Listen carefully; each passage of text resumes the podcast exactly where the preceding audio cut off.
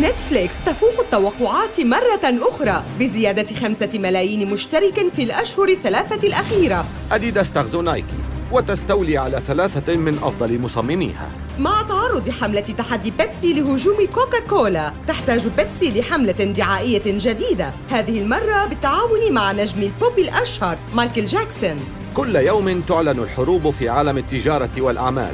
الأمريكيون ضد منافسيهم الصينيين.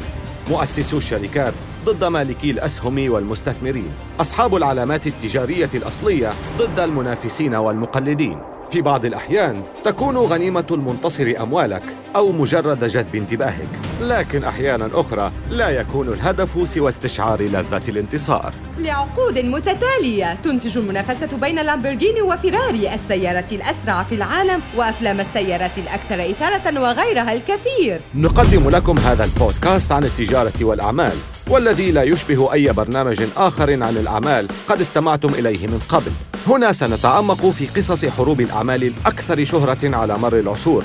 نايكي ضد أديداس كوكا كولا ضد بيبسي ماكدونالدز ضد برجر كينج إنها حروب واقعية حروب شخصية حروب في غاية الجدية. من الجزيرة بودكاست بالتعاون مع ووندري الشبكة المنتجة لأكبر وأشهر برامج البودكاست. يأتيكم حروب الأعمال قريباً. اشترك الآن في حروب الأعمال من الجزيرة بودكاست بالتعاون مع ووندري على منصات جوجل بودكاست وآبل بودكاست وساوند كلاود.